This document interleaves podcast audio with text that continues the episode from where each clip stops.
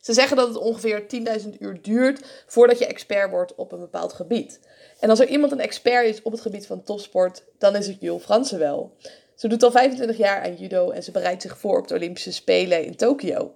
En in de podcast vertelt ze wat er voor nodig is om topsporter te worden, maar ook vooral wat er voor nodig is om een topsporter te blijven. We hadden het ook over de tegenslagen die ze heeft gekregen gedurende haar sportcarrière en ook die ze nu voor haar kiezen krijgt. Zo is het coronavirus het gesprek van de dag. Ehm, niet alleen in, in, in de algemene wereld, maar ook in de topsportwereld. En heeft enorme impact op bijvoorbeeld wedstrijden en op de trainingen. En samen hadden we het hier ook over in de podcast. En uh, hoe je met mindset dit ook kan benaderen. En ben je benieuwd wat je kan leren van haar topsportmentaliteit? Luister dan snel mee met deze podcast. Nou, tof dat ik uh, in ieder geval hier mag komen. Ja, en uh, zou je iets meer over jezelf willen vertellen voor de mensen die luisteren en denken van, nou, ik ken jou nog niet? Uh, ja, mijn naam is Jules Fransen. Ik ben 30 jaar. Ik woon in Heine-Noord. en ik ben topjudoka. En ik ga naar de Olympische Spelen in Tokio. En dan ga ik voor het hoogste haalbare. Ja, en wat is voor jou, nou ja, goud denk ik dan? Ja, Olympisch goud is wel echt het doel. En um, kijk, het zou natuurlijk fantastisch zijn als je een Olympische medaille kan en mag halen. En daar gaan we alles voor doen. Alleen het hoogste podium is natuurlijk wel hetgeen wat je nastreeft. En denk ook heel realistisch uh, als je kijkt naar de afgelopen twee jaar ten aanzien van de WK. Dus ik sta steeds bij de top drie. Dus het zit heel dicht bij elkaar. Maar ja, het moet op die dag, op 28 juli, moet het samenvallen. En dan... Uh, liever dan het gouden dan, uh, dan twee, de afgelopen twee jaar, zeg maar. Ja, Olympisch goud is voor judoka's wel iets unieks. En ehm, ja, we kunnen er maar eentje winnen. Het is geen uh, zwemmen of uh, atletiek waar je nee. meerdere uh, disciplines iets kan gaan doen. En judo telt er maar eentje en dat is ja, die gouden medaille. Ja, en ik ben ook heel benieuwd van, nou ja, dat, dat is het einddoel. Hoe ben jij begonnen met, met sport? ik was vijf. ik heb een oudere zus, Kim. die is twee jaar ouder. En die zat al op judo. En ik weet nog dat zij thuis kwam met een, met een medaille. Of met zo'n bekertje vroeger nog. En dus was ik een beetje jaloers. Ik kan één niet goed tegen mijn verlies. En ja, twee, ik wil altijd de beste zijn. Dus ja, dan zei ik van nou oké, dan wil ik ook. En toen ben ik meegegaan met zo'n judo in stuift. Kon je je zusje of je broertje of vriendje, vriendinnetje meenemen. En um, ja, toen ben ik op judo gegaan. Eigenlijk ja, nooit meer er vanaf gegaan. Ja, het is als, zeker als, um, als je jong bent. Het is natuurlijk één grote speelparadijs. Het is gewoon één grote mat met allemaal leeftijdsgenootjes. En je mag een beetje stoeien doen. En uh, natuurlijk leer je wel... Uh, uh, je leert daarnaast ook nog eens je bal breken. zelfdiscipline, samenwerken.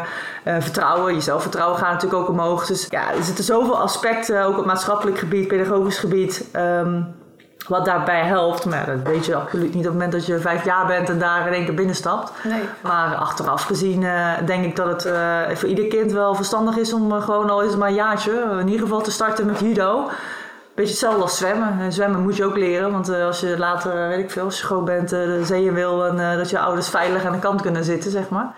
Maar ja, ik vind dat judo daar ook wel een invloed in heeft. En wat zijn voor jou dan de voordelen die jij ziet van judo? Nou, echt wel de weerbaarheid en het valbreken. Kijk, als je buiten speelt of je valt van de glijbaan of eh, je valt van je fiets, dan weet je in ieder geval hoe je kan vallen, hoe je je val kan breken. Nou, dat zou ook denk ik een eh, breuk in je arm schelen. En ik zou afkloppen.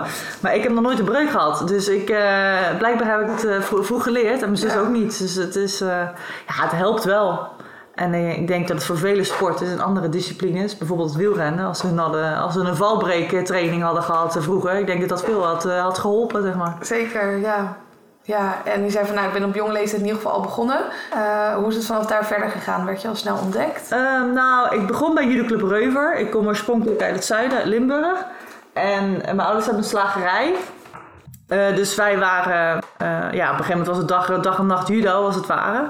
Maar ik deed toen ik jong was nog ook andere sporten. Ik deed turnen en zwemmen. En ik heb later ook op atletiek gezeten.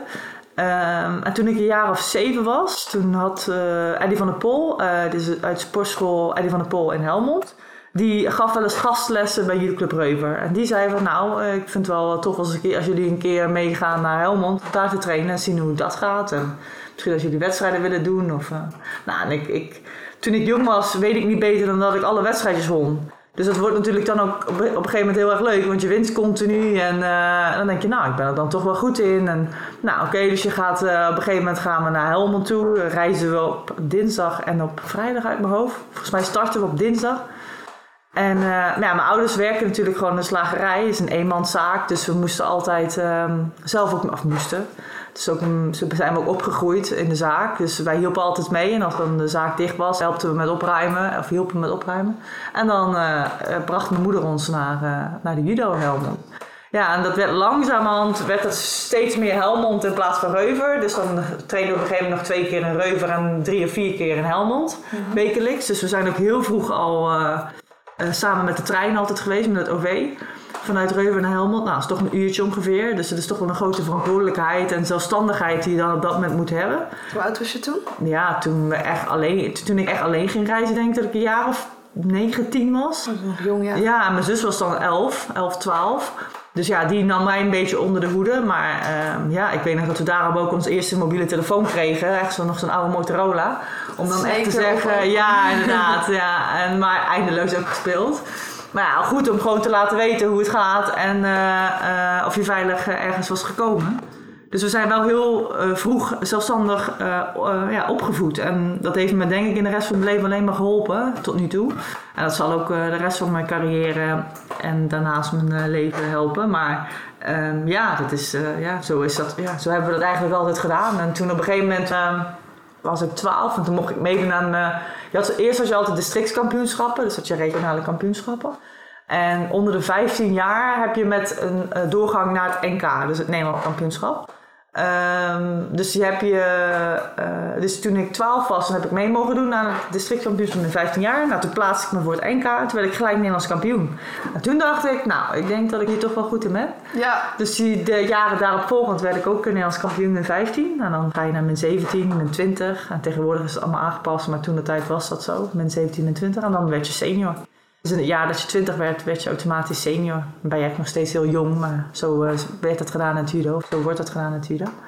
En ehm, ja, ik plaatste mij ook eh, min 15 als je nog geen eh, doorstap naar de Europese kampioenschappen. Dat is pas vanaf de aspirantentijd, dus vanaf de min 17. Dus daar plaatste ik mij ook gelijk voor in mijn eerste jaar. En toen won ik zilver.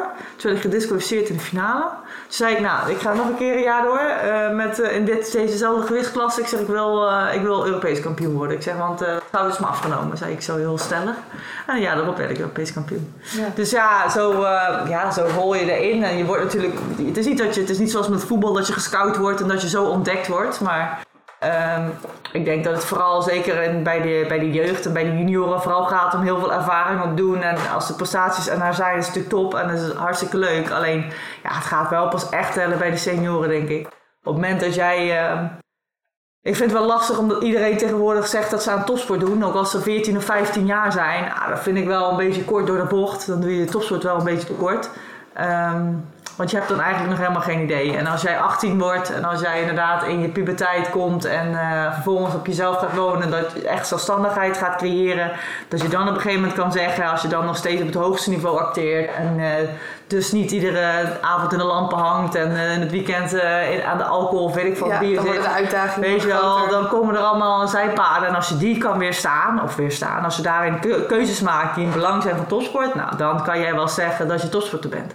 Maar om nou uh, op je veertiende te zeggen van ja, ik doe een topsport, dat vind ik altijd wel een beetje uh, moeilijk om, uh, om, om te horen, zeg maar. Het, ja, reali het realistisch beeld is soms niet helemaal zoals het hoort, denk ik. Maar goed, dat, is, dat is zoals het is. Ja. ja, en je zegt van nou ja, op een gegeven moment als je ouder wordt, dan komen die verleidingen er meer. Of dan moet je in ieder geval die keuzes maken. Ja, ja. hoe was dat voor jou? Ja, ik heb wel een beetje een andere. Ik heb nooit ook echt een studententijd gehad. Dat hoor je natuurlijk ook allemaal. Maar ik heb er ook helemaal geen idee van. En het, ja, het is voor mij eh, ja, niet zozeer verleidingen geweest. Het is gewoon voor mij een simpele keuze geweest. Ik werd. Eh, ik ben al vanaf mijn twaalfde had ik een, ik een relatie met een, uh, uh, met een jongen waarvan ik 13 jaar samen ben geweest. Dus uh, wij zijn ook gelijk, toen ik 18 was, zijn we samen gaan wonen in een appartement in Helmond. Omdat ik daar natuurlijk trainde. Dus het was makkelijker om dan te studeren in Tilburg aan de sportacademie. Um, dus ja, dat, dat, liep eigenlijk ja, zoals het ging. En in de weekend ging ik dan naar huis naar mijn ouders en dan uh, hielp ik mee daar. En dan, of je had in het weekend toernooien natuurlijk. Dus ja, ik heb eigenlijk nooit echt het, um, de verleiding gehad om in het weekend te moeten stappen of iets. Of je bouwt een uh, bepaalde relatie op, natuurlijk ook met vrienden of vriendinnen. En je hebt, een, uh, je hebt er niet veel, maar ze zijn, maar wel, ze zijn wel heel waardevol. Want je hebt ze al 15 jaar in je leven. Dus dat zijn wel hele bijzondere en mooie dingen.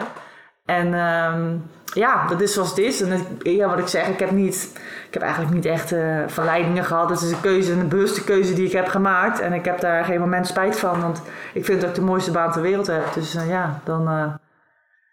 eh, ja, dat is eigenlijk eh, ja, zoals ik erover na, over denk eigenlijk. En was het ook wel goed te combineren met eh studie, sport? En ik heb nog steeds niet mijn diploma, dus nee. Eh, ja, is, het is wel, ehm, er zit natuurlijk wel een beetje haak en oog aan vast. Want ehm, op een gegeven moment toen verhuisde ik naar eh, Rotterdam in 2010. Ehm, en toen kon ik niet meer de sportacademie vervolgen. Dan moest ik naar Den Haag, wat ook oké was. Alleen die opleiding die, eh, die liep er niet echt over. Die overlapte niet. En ik kwam er ook achter dat ik op een gegeven moment toen de sportacademie... dat ik mezelf niet continu voor de klas zag staan. Dus toen heb ik een jaar even goed nagedacht wat ik wou. En toen wou ik social work gaan doen, dus sociaal-pedagogische hulpverlening. En dat doe ik inmiddels nog steeds. Eh, ik doe nu wel flex deeltijd, dus eh, niet meer fu- fulltime. Want dat zat gewoon continu in mijn hoofd van ja, ik moet nog dingen doen. En het geeft enorm veel stress en negatieve ballast die je eigenlijk niet kan gebruiken in het leven van een topsporter. En eh, toen heb ik echt duidelijk de keuze gemaakt, oké, dan ga ik het echt flex deeltijd doen. Wat mezelf ook gewoon rust geeft. En wat ik beide gewoon op een goed... Ik wil gewoon judo op een 100% kunnen doen. En mezelf niet over 10 jaar kunnen zeggen van, nou, ik heb er niet alles aan gedaan. Ja. Ik wil gewoon alles aan gedaan hebben. En, eh, maar ja, ik wil natuurlijk ook mijn diploma. Dus na de Spelen in Tokio gaat het vizier wel op de studie, eh, fulltime. Nu doe ik het nog wel steeds deeltijd. Maar dan ga ik wel eh, eh, vol een in, inhaalslag maken om mijn diploma te halen. Ja, precies. Dus ja. En je zei van nou, op een gegeven moment eh, in combinatie met werk, dat, dat ik merkte dat ging de, de sport wat, eh, dat ging ten koste daarvan. Nou ja, ik heb niet, ik heb niet gewerkt. eh, ik heb altijd gewerkt bij mijn ouders natuurlijk. Totdat het moment dat ik uit huis ging. Dus vanaf mijn 18 eh, toen heb ik op mezelf, eh, ben ik op mezelf gaan wonen. Maar toen eh, presteerde ik ook al zo dat ik recht had op de A-status van NOC-NSF. Dat is dus een normaal inkomen of een gemiddeld inkomen wat je dan hebt. Dus ja, ik ben nu inmiddels 30 en ik heb het nog steeds. Dus vandaar kan ik gewoon rondkomen en hoef ik niet te werken hiernaast. Want dat is gewoon, als je hiernaast ook nog een fulltime job hebt, dat is ja, denk ik niet te doen. En die het wel doen, heel veel respect ervoor. Ehm, maar goed, voor mij is dat gewoon ideaal. En ik heb die luxe dat ik dat ja, kan, eh, kan creëren. Dus daar ben ik heel erg dankbaar voor. Ja. Ja, snap ik. Dat eh, geeft toch wel een stukje rust. En, Ja, maar en- goed, je moet, kijk, je moet natuurlijk wel ieder jaar je, aan de criteria voldoen. Het is niet zo dat, het- dat het aankomt waar IDA status. Dus daar heb ik ook eh, de prestaties voor geleverd.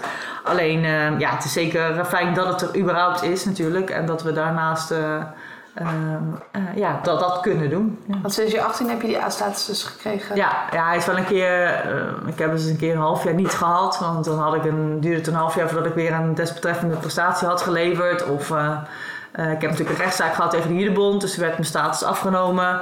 Dus heb ik een half jaar geen status gehad. Maar dat is overgenomen eh, door een sponsor toen de tijd. En uiteindelijk heeft NRC-NSF het ook met terugwerkende kracht eh, moeten teruggeven. Naar aanleiding van de uitspraak van de rechter.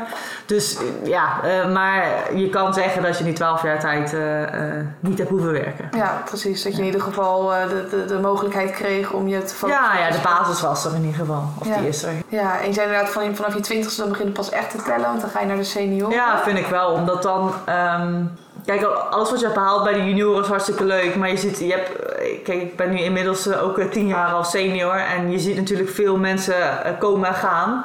En je ziet heel veel talenten. maar die haken allemaal af rond de 18e, 19e, 20e. Want ja, dan gaan er inderdaad zijpaden komen. En dan kiezen ze toch voor een maatschappelijke carrière. Wat ik zelf natuurlijk ook ambieer. Alleen... ehm, ja, dat is een keuze die je maakt. Alleen ja, ik denk dat daar wel eh, dat daar echt wel winst te behalen valt. Niet alleen vanuit de sporters kant, maar ook vanuit de organisaties een kant. Om daar eh, veel meer uit te halen dan dat je het te la- laat gaan, zeg maar. Ja, Zonde. ja, dat ze dan geen keuze hoeven maken, maar dat ze allebei zouden kunnen doen. Ja, ja, ja, ja. Ja. En hoe ging het met de sport bij jou eh, na je twintigste? Toen kwam je bij de senioren. Was Ja. dat een groot verschil ten opzichte van de? Mm, nou ja, voor mij persoonlijk niet zo. Maar voor sommigen, eh, zeker bij de mannen, bij de mannen is wel een groot verschil van junior naar senior. Bij de vrouwen iets minder. Omdat, ehm, ja, je kan... Dan zou ik misschien de vrouwen tekort doen, maar de breedte bij de mannen is gewoon groter dan bij de vrouwen. Ook gewoon het verschil in kracht, zeg maar. Ehm, en ik moet zeggen, ik heb er zelf niet zo last van gehad, want ik was nog laatste jaar junior. En toen mocht ik meedoen aan de EK senioren gelijk. En toen werd ik eh, gelijk vijfde. Dus toen had ik dus recht op mijn aanstaat. En toen kreeg ik gewoon... Ja, toen zat ik eigenlijk al in die molen van alle toernooien krijgen. En dus... ehm, Ja, ik heb nooit, uh, ik, tuurlijk, ik moet altijd vechten voor mijn plek, maar ik heb wel gelijk vanaf de junioren of uh, van mijn laatste jaar junioren kon ik eigenlijk gelijk al de doorstroom vinden bij de senioren. Wat niet voor iedereen gegeven is, maar ja, daar heb ik ook heel hard voor gewerkt. Dus uh, ja, dan, dus ik, nee, het is, wat ik zeg, het is me echt niet aankomen waaien, alleen ja, ik presteerde gewoon gelijk. Dus dan um, ja, zit je daar gewoon gelijk in en hoef je niet meer nog twee jaar ergens tegenop te boksen. Wat daardoor ook je motivatie wellicht uh, te niet kan doen, waardoor mensen stoppen. Dus dat hangt daar natuurlijk ook een beetje mee samen. Maar ja, ik heb dat niet zelf niet gehad. Dus ja, dat is mijn, uh, mijn geluk, maar ook mijn harde werk. Ja, want ik hoor vaak dat mensen zeggen geluk uh, is maar 5%, 95% is hard werken. Ja. Ben je het daar maar eens of zeg je nou dat... Um, tuurlijk, het is, um, je moet altijd wel een beetje mazzel hebben. Dat is hetzelfde met een loting of met, uh, tijdens een toernooi, zeker in een judo. Um, maar absoluut. maar uh, weet je, hard werken, het is altijd wel, je krijgt wat je verdient. Dat vind ik ook wel lastig, want als iemand een ernstige ziekte heeft, heeft hij dat dan verdiend? Ja, ja echt niet. Maar tuurlijk, maar ik vind dat de norm hard werken is. Dat is gewoon de norm. En je moet de mazzel hebben om, over om ook nog eens dat om te kunnen zetten in resultaat. En Um, het is aan jou om dat om te zetten in resultaat. En bij de een lukt het makkelijker of lukt het wel en bij de ander niet. Maar ja, ook dat is topsport. Ja, dat is, uh, het, uh, het is niet voor iedereen weggelegd. En, uh, maar wat ik zeg, ik vind hard werken echt de norm. En als je dat niet doet, dan moet je ook niet zeiken als het gewoon niet gaat. Ja, precies. Want ja. je zegt, ik, ik wil gewoon die 100% geven, want anders ga ik mezelf achteraf ja, tuurlijk. afvragen. Het is zonde van, de tijd geweest. En, en dan had ik al lang mijn HBO-diploma gehad. En had ik al het gedoe niet, had je die studieschuld bijvoorbeeld niet. En ja, dat zijn allemaal dingen die meespelen. En natuurlijk houdt een organisatie als een duo bijvoorbeeld daar rekening mee door je een verlenging te geven en zo. Maar ja, dat zijn wel dingen die de rest van je leven uh, achter je aan zitten. Op het moment dat het dan niet gaat, of op het moment dat er, weet ik veel, als je zwaar gepasseerd raakt of zo, dan, ja, dan valt dat allemaal weg. En dan zit je uiteindelijk wel met zo'n, uh, met, met die ellende als het ware. Ja, dat zijn keuzes die je hebt gemaakt, dus die moet je dan ook slikken. En um, ja, het hoort er ook een stukje bij. Alleen ja, het is, uh, judo is geen vetpot. Je gaat niet judo omdat je heel veel geld ermee kan verdienen. Nee, dan moet je dus judo, voetbal, uh... Ja, je doet judo omdat je het super leuk vindt en dat dat je passie is en dat je heel graag uh, mensen op je rug wil gooien, zeg maar. En geniet van, van, van dat moment. Alleen, ehm, nee ja, hierna moet je gewoon simpelweg werken. En dan moet je ervoor zorgen in die tussentijd dat je je diploma hebt. Anders moet je nog aan de bakje na. Ja, ja want hè, tot hoe lang kun je ongeveer doorgaan met judo? Ja, dat ligt er een beetje aan. We denken natuurlijk allemaal een beetje in cyclussen, dus echt per Olympische Spelen. Maar ja, ik ga 28 juli, dat is mijn Olympische dag. En uh, dat staat echt in mijn agenda groot gemarkeerd. En wat daarna gebeurt, 29 juli, dat ziet dan wel. Ja. Maar uh, ik ga ook echt niet gelijk stoppen. Uh, ik ben nu zelf 30 en de Spelen in Parijs, dan ben ik 34. En dat zou allemaal nog kunnen. Alleen ik wil ook op zijn tijd, uh, zou ik heel graag mijn diploma willen halen. En ik zou heel graag, als het me gegund is, uh, moeder willen worden. Dus dat is ook een droom van mij. Dus ja, dat zijn, uh, ik heb nog heel veel dromen en nog heel veel dingen te doen. En maar ja, ja, je moet op een gegeven moment ook keuzes maken die, waar jij je goed bij voelt. Dus ja, het hangt ook een beetje af wat, hoe de spelen gaan worden en hoe dat gaat zijn. En wat ik daar behaal of niet behaal. Ja, dat, ja, dat weet ik eigenlijk nu nog niet. En dat, wil ik ook helemaal niet over nadenken, want dan ga je relativeren. En dat is altijd, uh, uh, weet, hoe noemen ze dat altijd? Dat is altijd, uh, dat ben je gedoemd zeg maar als, als topsporter als je gaat relativeren. Dus dat gaan we ook niet doen. Dus ik focus me gewoon op 28 juli en wat daarna gaat gebeuren, dat zien we dan wel. Precies, je kan al 20 stappen vooruit gaan ja, denken. Heeft zin. Heb ik in mijn leven al genoeg gedaan en dat is allemaal niet gebeurd. Dus, of in ieder geval, er zijn echt wel dingen niet gebeurd en daar baal ik er heel wat van. Maar ja, eh, gewoon stap voor stap en uh, niet, te veel, niet te veel vooruitdenken. Ja, ik, zeg, ik ben geneigd om dingen dus uit te denken. Ja, Zou je voorbeeld kunnen noemen? Nou ja, ik ben getrouwd geweest. dus wat ik toen zei, toen ik 12 was, heb ik een relatie van 13 jaar gehad. En toen was ik anderhalf jaar getrouwd. En toen kwam ik thuis en toen kreeg ik te horen van, het is klaar, ik ben niet meer verliefd op je ja, dan stort je wereld er wel in als je dan een huis gekocht hebt en uh, getrouwd bent. Um, dus ja, uh, toen had ik ook alles uitgepland. Nou, dan ga ik uh, tot die leeftijd ga ik door en dan willen we graag kinderen. En dan komt er een hond en dan komt dit en dan komt dat. En ja, zo is het niet gegaan. En dat is een harde klap geweest. En daar heeft mijn zelfbeeld en zelfvertrouwen ook echt wel een tik van gehad. En daar heb ik heel hard aan gewerkt om daar weer bovenop te komen. En uh, ik ben heel erg gelukkig nu, alweer een tijdje. Maar uh, ja, dat is wel een zwart jaar uit mijn, uit mijn carrière geweest, uit mijn leven. Het heeft gewoon een heel grote impact gehad. Maar het, het, het geeft je ook wel de tijd om aan zelfreflectie te doen en ehm, om uh, vanuit daar weer uh, uh, ja, een betere versie van jezelf te worden. Niet alleen op privégebied, maar ook op, op zakelijke vlak. Dus um, ja, dat zijn dingen wat ik zeg. Ik had alles uitgepland, alleen die planning die ging even niet door. Dus ja, wat dat, dat is ook wel natuurlijk een moment geweest dat je denkt van nou, ik ga niet met heel veel vooruit plannen. We leven met de dag en natuurlijk heb je wel doelen, uiteraard, zeker in topsport, maar ja, ik ga niet meer zeggen, nou, over vijf jaar ben ik dit en dit. Ja, dat gaan we wel zien. Ja. Wat, wat, komt, het komt. En uh, uh, ik doe gewoon wat ik heel erg leuk vind. Ik ben heel gelukkig en dat is gewoon het belangrijkste. En dat is wat telt. Ja, inderdaad. Je zei inderdaad van nou, dat was een hele grote tegenslag voor me. Ja. Um, heb je verder veel te maken gekregen met tegenslagen? Um, ja, wat, wat zijn tegenslagen? Um, als er mensen komen te overlijden is het natuurlijk heel erg vervelend en verdrietig. En dat heeft natuurlijk ook een impact op je, op je leven, maar ook om, op je presteren. Uh, het is niet makkelijk om dat zomaar even rationeel uit te zetten. Ja, je kan heel makkelijk zeggen, ja, ik moet leren omgaan met tegenslagen. Dus, ja, dus dat doen we. Nou, een voorbeeld, we waren zes weken voor de WK vorig jaar. Uh, oh, uh, jaar daarvoor, dus een WK 2018 in Baku. Uh, zes weken daarvoor hadden wij nog een laatste toernooi in, in Budapest. En toen, ik zou op donderdag vertrekken. En toen op woensdag kreeg mijn vader last van zijn hart. Dus hij had een hartstilstand gehad thuis. Um, en toen is hij gelijk opgenomen natuurlijk eh, met, of, uh, in het ziekenhuis, met ambulance mee. En toen ben ik snel naar huis gegaan toen ik dat hoorde natuurlijk. Maar ja, ik moest die volgende dag moest ik weer het vliegtuig in om naar uh, een toernooi te gaan. Dus zes weken voor een WK, dus de spanning begint er een beetje op te komen. En je bent natuurlijk al richting je piek werken. Dus zijn dingen, ja, die verstoren gewoon je voorbereiding. En um, kijk, als het je verre buurman is of je verre neef ergens in Azië of waar dan ook dat vind ik iets anders dan dat het je vader is, zeg maar. Weet je, dat is, komt dan in één keer heel dichtbij. En dan uh, uh, ga je op een overlevingsstand. Alleen, ja, op dat moment kon me dat hele toernooi helemaal niet schelen. Ik stond daar, ik heb daar gehidood en ik heb mijn eerste ronde uh, verloren. In de eerste ronde verloren ik, een golden score. Ik dacht echt, nou, het zal me reet roesten, het kan ook allemaal gestolen worden. Maar ik wil gewoon naar huis en zien hoe het met mijn vader gaat. Dus ja, dat zijn wel dingen... Um, om ook weer van te leren. Want ja, wat, stel nou, dat gebeurt over, op, op 27 juli. Ja. Dan uh, gebeurt er iets. Wil ik het wel weten? Want ja, dat is mijn moment dan. Daar heb ik zo lang naartoe geleefd. Dus ja, eh, dat, is, dat zijn dingen die, uh, die je van tevoren vastlegt. Van ja, wat, wat als? Dus wat als er iets met Antoine gebeurt? Of wat als er iets met je vader of je moeder gebeurt?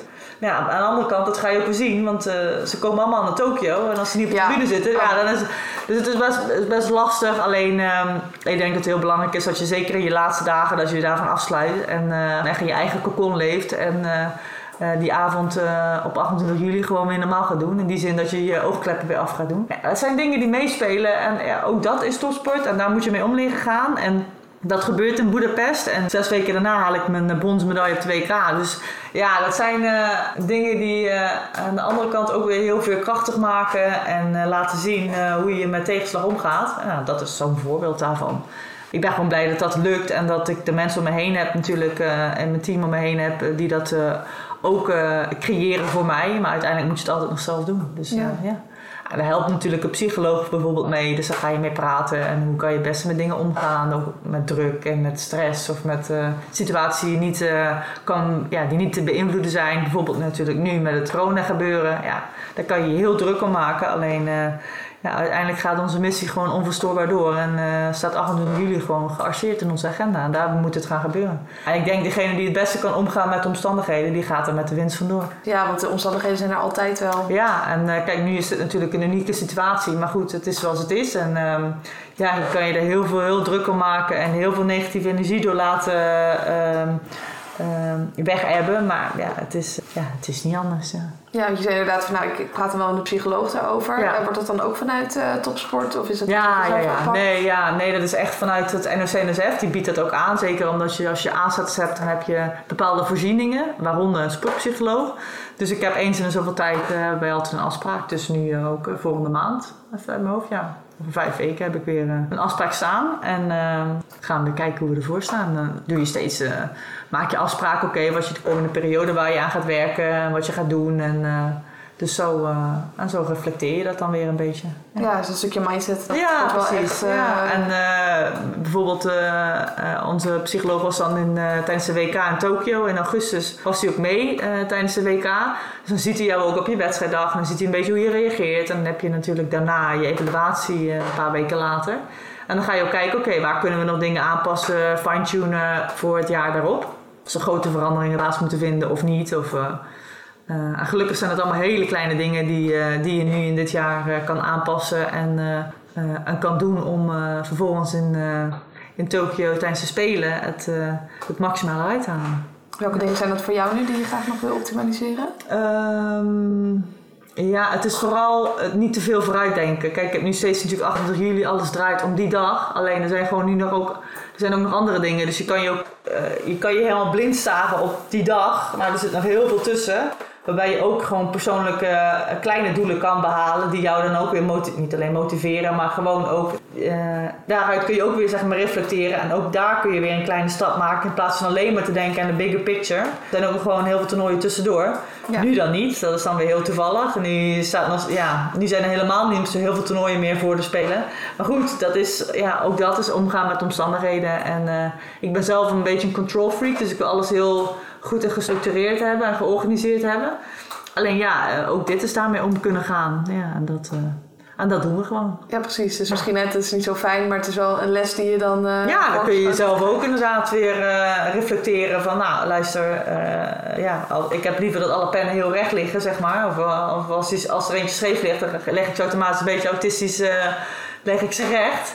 Maar goed, uh, ja, dat hetzelfde nu met zo'n planning. Ja, die planning die ligt echt overhoop. Ik had, uh, gisteren was eerst alleen, ik kreeg wat horen dat uh, één toernooi was gecanceld. Oké, wat is de volgende planning? Ja, ik denk EK dan natuurlijk. Want ja, je kan wel een planning maken, maar als het beïnvloed wordt van buitenaf, ja, dan heb je helemaal niks meer aan die planning. En toen kregen we een uur later inderdaad te horen dat alle toernooien van twee maanden, van aankomende twee maanden werden gecanceld. Ik zei, nou, dan gaat je planning weer. Ja, dus het is ook een beetje roeien met de riemen die je hebt. En we kunnen het daar wel heel ik, denk, ik vind het ook wel fijn. Er is nu gewoon duidelijkheid. Oké, twee maanden geen toernooien, klaar. Oké, nou, dan gaan we trainingskampen doen. Ja, ja heel simpel. En uh, uiteindelijk, uh, ja, zo'n toernooi is natuurlijk hartstikke mooi. En kijk, voor mij persoonlijk is, uh, is het niet zo heel erg. Ik snap dat het voor mensen die zich echt nog moeten kwalificeren en die daar echt...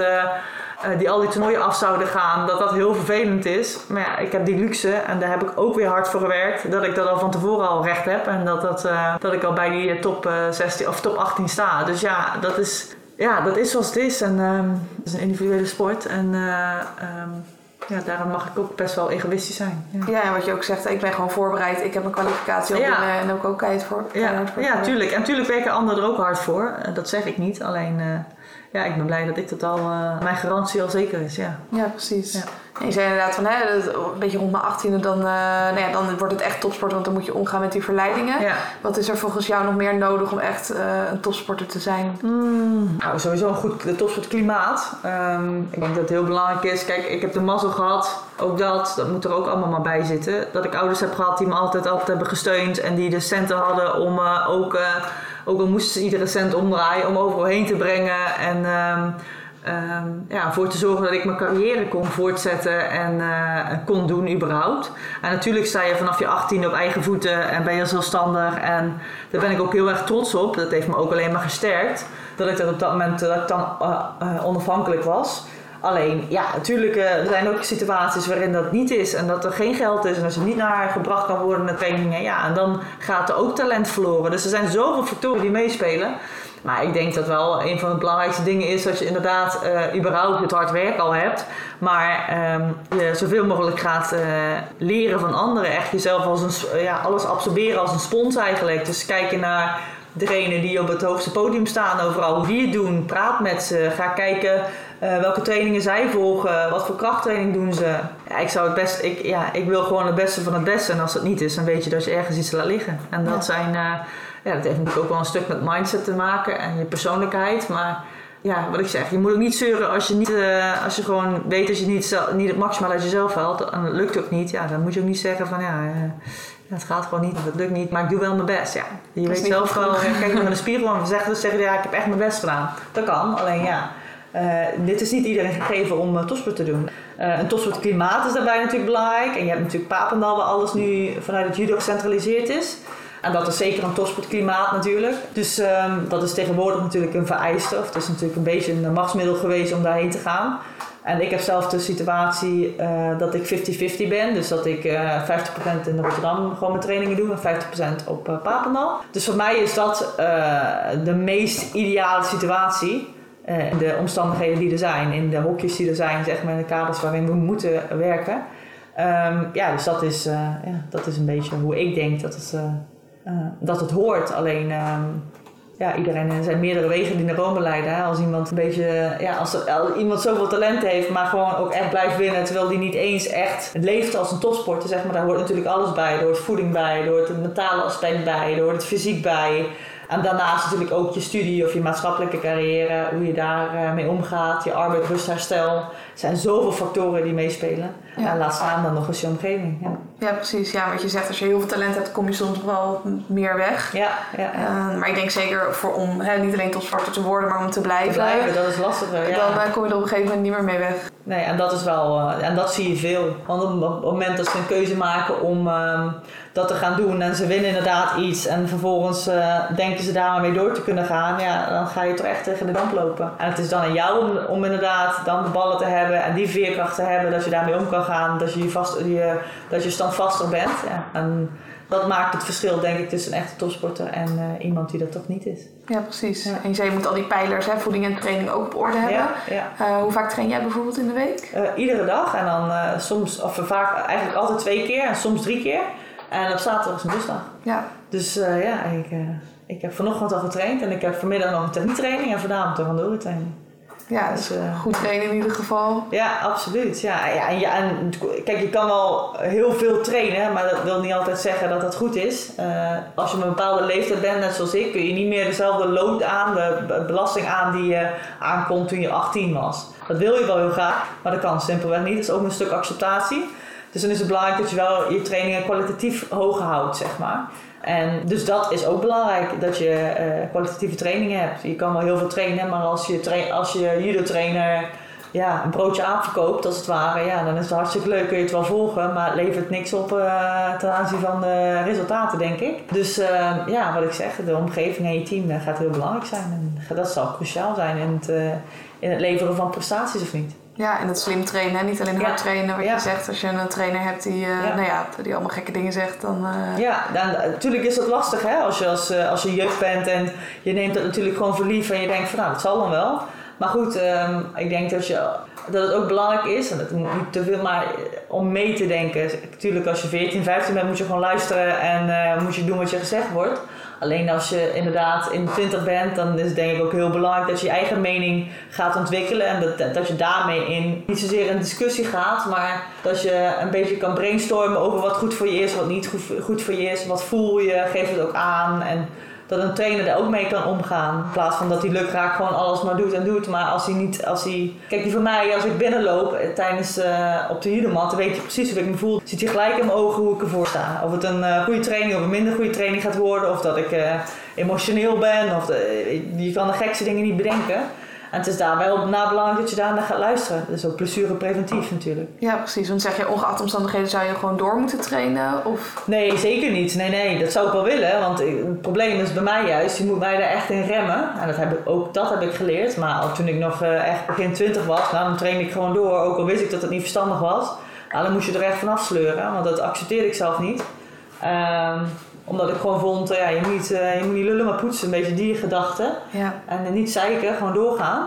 Maar ja, dat zijn, um, ja, ook daar leer je mee omgaan. Dat zijn dingen waar je tegenaan loopt. En dan word je dus een keer geblesseerd. En dan bouw je ervan, ja shit, had ik er toch maar mee. Uh, als ik dat wel had aangegeven, bijvoorbeeld dat ik een beetje last had van mijn enkel dan hadden we misschien een training iets anders uh, uh, aangepakt. Of dan had ik, had ik toch vaker een afspraak gehad bij de fysio. Hadden we toch meer behandelingen kunnen doen. Of had de, de krachttraining had, was aangepast geweest. Had je daar minder belasting op gehad. Of op een andere manier oefeningen gedaan. Of, weet je, dat zijn allemaal kleine dingen. Maar wel dingen die verschil maken. En het is gewoon zonde als je op zo'n manier een blessure oploopt. Want het is, dat had voorkomen kunnen worden. Ja, ja, precies. Dus gewoon korte termijn even een, moeilijke keuze maken. Ja, door ja. maar op lange termijn gaat dat gewoon wel het verschil maken denk ik.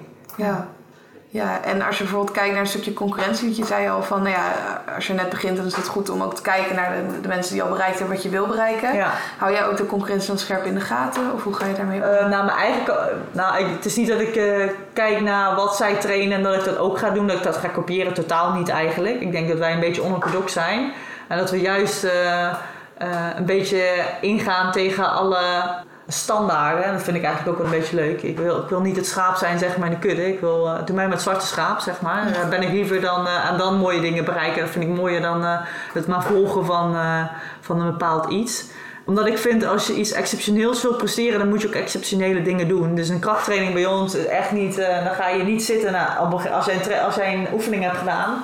En dat zie ik natuurlijk wel eens vaker gebeuren. Dan, zie ik mensen oefening doen en dan doen ze vijf herhalingen of tien herhalingen. En dan gaan ze na zitten uitrusten. Ja, zitten. Als je, wil, als je bij mij gaat zitten bij Hans Kroon, Hans Kroon is mijn fysieke trainer, dan heb je een probleem, want dan uh, sta je nog twee, jaar, uh, twee uur te, te bikkelen, want uh, die laat je gewoon niet gaan.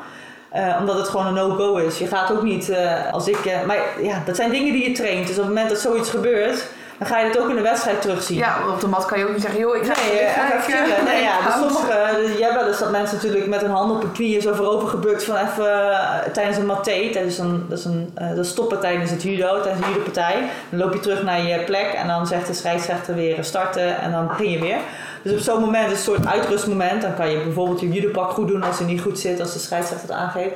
En dan hangen mensen wel eens voorover. Dus dan laat je een teken van zwakte zien. Ja. dus als je dat al tijdens je training gaat doen, dan ga je dit sowieso ook tijdens een wedstrijd doen. Ja, dat, dat is echt, dat is bij ons echt een no-go. Kan gewoon niet. Je kan niet, je gaat je zwakte gewoon niet, niet tonen. En natuurlijk heb je wel eens momenten dat je erheen zit of dat je het liever kan janken dan dat je nog doorgaat met je training omdat het gewoon heel zwaar is ja, als je al niet door die spreekwoordelijke muur gaat tijdens een training, dan ga je het ook nooit doen tijdens een wedstrijd. En dat is wel iets wat ik echt wel uh, tijdens de krachttraining gewoon. Ja, ik, ik doe drie keer in de week krachttraining, dus iedere, dus op maandag, woensdag en vrijdag. Dus dat ga ik morgen ook weer ondervinden. Ja, dan kan je zeggen dat is heel pijnlijk en soms gaat een, dat ten koste van een judo-training, want dan ben je gewoon zo vermoeid geweest en dan ben je niet genoeg hersteld voor die training s'avonds. Dat kan, maar goed, eh, je kan ook die verzuring oplopen tijdens een uh, judo-wedstrijd. Dan moet je er ook doorheen. Ja. Een golden score kan soms 10 of 20 minuten duren. Dat, dat, hangt, er maar aan, dat hangt er maar natuurlijk aan, aan, eh, aan hoe dat een wedstrijd verloopt. Maar ja, het zijn wel dingen die, uh, die je dan wel al op... En, en, je moet in dat gebied geweest zijn om überhaupt in dat gebied te komen tijdens je wedstrijd. En dat zijn wel uh, dingen die denk ik niet heel veel mensen doen. En, um, en ook niet echt durven. Sommigen durven echt niet diep te gaan.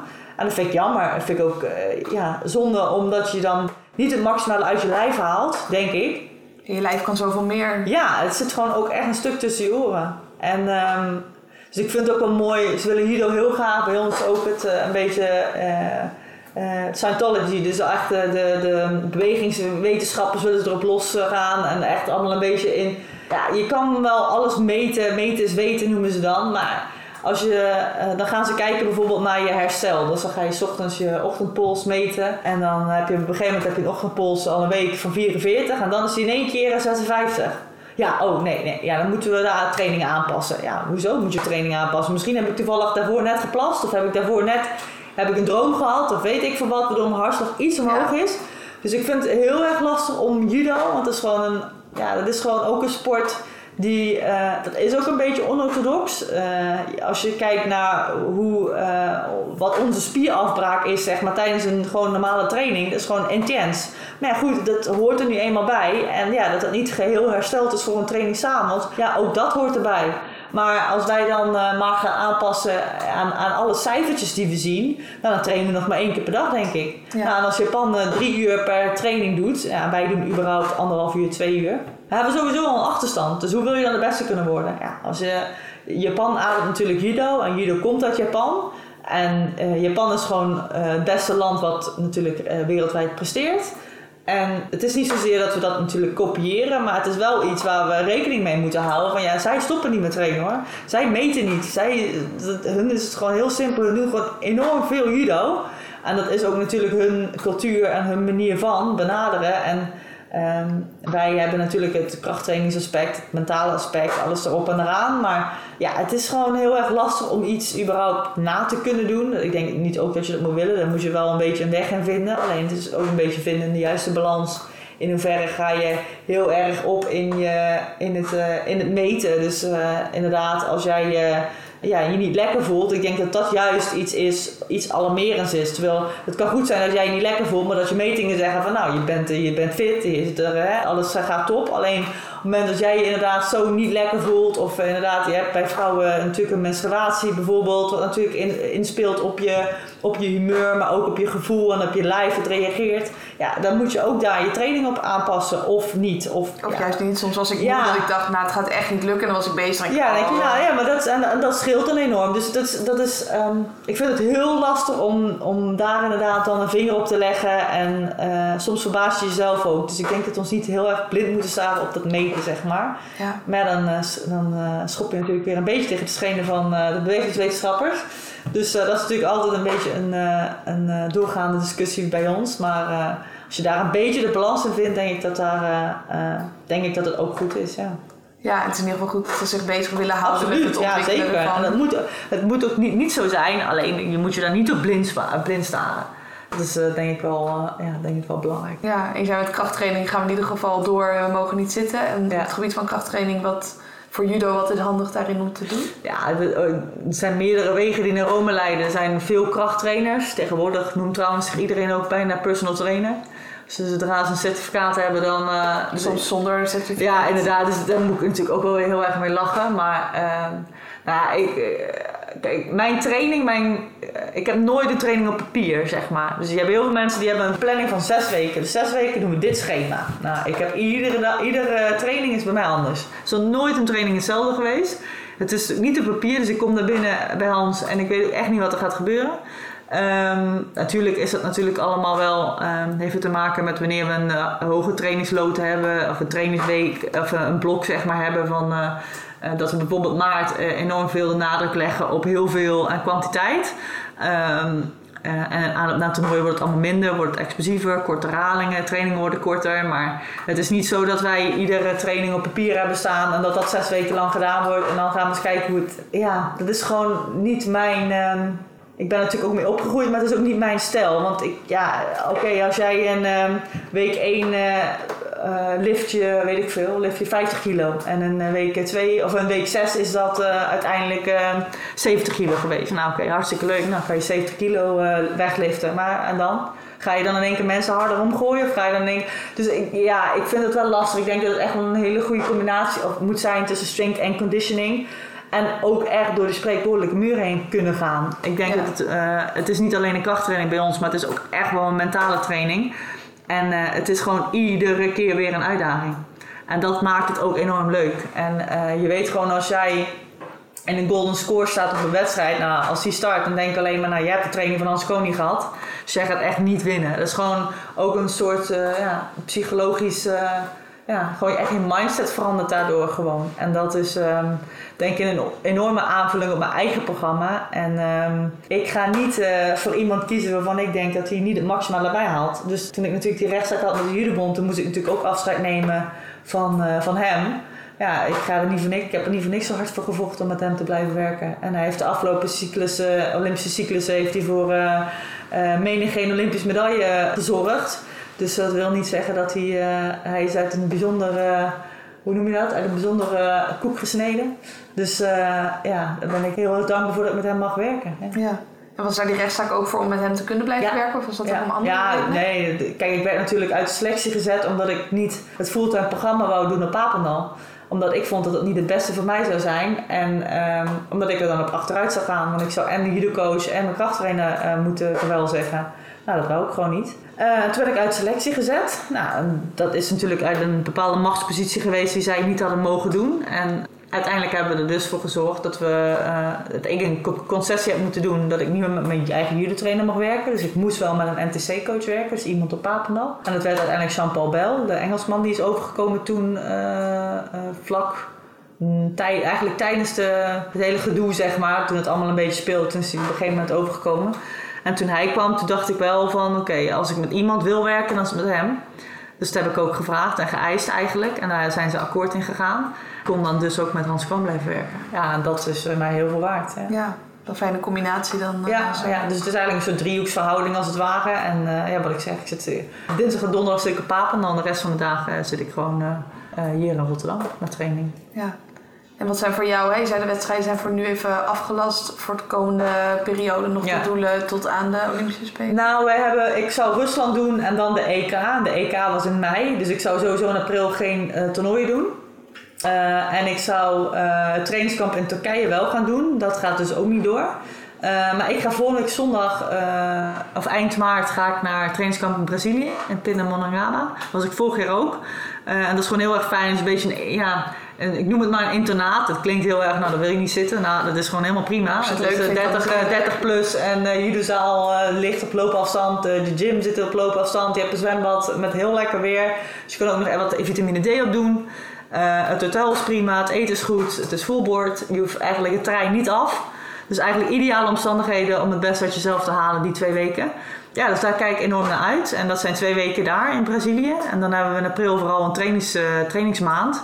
Natuurlijk. We hebben nog een week trainingskamp in, op Papendal zelf. Dus dat zou wel internationaal zijn. Dus ik weet ook niet wat daar gaat gebeuren. Want sommige landen mogen natuurlijk op dit moment niet reizen. Dus een Italië zal waarschijnlijk dan niet komen. Maar goed, er zijn heel veel landen die wel kunnen komen. Dus dan hebben we een internationaal kamp. Eh, de EK begin mei. Dat was 1 tot en met 3 mei. Gaat niet door. Eh, en op de planning staat nu de Grand Slam in Baku, half mei. En dan eh, eind van die maand hebben we nog de Masters in Doha. En dan misschien in juni nog Budapest, de Grand Slam. Maar dat is echt ten aanzien als ik nog een toernooi wil doen voor de Olympische Spelen. Maar eh, dan zouden de Spelen het volgende zijn. Dus het zijn er eh, max, eh, ma- max drie. Is het fijn om veel toernooien te hebben? Ehm, ja en nee, ligt er een beetje aan. Je kan sommige, kijk, ik, ik zit in een luxe dat je toernooien ook een beetje als training kan zien. En wie wil altijd winnen? Het is heel vervelend als je verliest en, het is- en, je, en je zegt ja, dat is een soort van training. Nou ja, dat zit niet in het aard van het beestje. Maar ja, soms is het wel eens goed om inderdaad toernooien te doen eh, waarbij je dingen kan uitproberen als je daar in, in het blok daarvoor, trainingsblok daarvoor aan hebt gewerkt. En eh, soms ga je ook naar een toernooi toe waarbij je in een heel zwaar trainingsblok zit en dan op, echt op het laatste moment nog eh, eh, even de halte, de rust erin zet om daar misschien niet volledig uitgerust een toernooi te doen. Maar dat wil niet zeggen dat het dan slecht gaat. Het kan inderdaad ook maar, het gebeurt heel vaak juist dat het dan goed gaat, omdat je dan zoveel arbeid al hebt geleverd dat dat eigenlijk ook een soort automatisme wordt. Dus judo is niet heel erg, ehm, je kan dat niet echt heel regisseren. En Dat maakt het natuurlijk ook wel leuk. Alleen aan de andere kant kan het ook binnen vijf seconden klaar zijn. Wat het minder leuk maakt als je in die situatie zit. Maar ehm, ja, het is, eh, ja ik, ik, ik vind toernooien wel heel erg leuk. Alleen als je heel veel toernooien hebt achter elkaar. Dat gaat ook ten koste van gewoon je trainingsarbeid. Want je hebt natuurlijk je rust naar een toernooi toe. Eh, je hebt natuurlijk ook een schade, of schade, gewoon je spierschade opgelopen na je wedstrijden. Dus daarvan moet je ook een klein beetje herstellen. Dus je doet je trainingen wel. Alleen het is allemaal ehm, natuurlijk ook belangrijk dat je blessurepreventief bezig bent. Dus dan moet je ook weer een beetje met, eh, met, eh, ja, een, beetje met een bepaalde geleide doen. Dus ehm, eens in de ja, zeg eens in, de, in eh, zes weken een toernooi is denk ik heel erg prima te doen. En ook goed om daarnaast gewoon je trainingsblok te blijven doen. En te kunnen doen. Ehm, maar goed, ja, sommigen hebben die positie niet en die moeten echt ieder toernooi af. En eh, ja, dan denk ik dat er weinig ontwikkeld wordt, zeg maar, op lange termijn. En blijf je Maar goed, ja, het is wel, ja, als, als je alle toernooien af moet gaan om net bij de top 18 te komen, ja, dan moet je het doen. Als je heel graag de Spelen wil halen, dan eh, heb je geen keus. Dan eh, zul je het moeten doen. Maar ja, dan haal je altijd net een top 16 eh, re- eh, klassering of zo. Dan zal je nooit echt op het podium staan. En ook dat is prima. Als dat voor jou het maximaal haalbare is, dan is dat alleen maar goed. Dan kan jij jezelf in die spiegel aankijken. Maar dat is, eh, ik ben blij dat ik niet in die situatie zit. Ik denk niet dat ik dat heel lang vol ga- zou houden. Ja, dus juist door je al eerder te kwalificeren heb je nu de luxe. Ja, maar ik ook eh, gewoon, kijk, als ik eh, elk toernooi zou doen en ik kom steeds een beetje naar de tweede, derde ronde en nou, goed, goed gedaan en ja, dus het maximaal haalbare. Ja, dat is voor mij, dat zou mij niet motiveren om eh topsport te blijven bedrijven. Ik wil wel gewoon medailles winnen. Ja. En natuurlijk heb, heb je ook periodes dat het niet lekker gaat of dat het allemaal net niet goed valt. Of dat, er zijn altijd wel oorzaken waarin dat ligt. En als je daaraan blijft werken en het dan weer om kan zetten in een positief resultaat, dan is dat weer iets wat jou motiveert en wat jou weer een, eh, ja, een stap in de goede richting zet. Maar als ik steeds een beetje in de top 16 zou eindigen of zo en een beetje allemaal middenmoot, nou, dat is echt niks voor mij. Daarom ben ik eh, met zwemmen ook gestopt, omdat ik eh, met wedstrijdzwemmen alleen maar eh, een beetje in de middenmoot kwam. Toen zei ik, nou laat zwemmen maar zitten, ik, wil- ik wil judo, vind ik veel leuker, want toen won ik alles. Ja, Dus ja, dat is het wel. Ja, dat is gewoon een beetje mijn persoonlijkheid. En ja, ik wil niet als een nachtvlam, weet je, als een nachtvlam uitgaan in mijn, het einde van mijn carrière. Ik wil wel, I'm going out with a big bang, zeg maar. Ja, ja. ja. Ja, nou super bedankt in ieder geval ja hiervoor. graag En, gedaan. eh, Bedankt voor jouw tijd. Ja, zeker.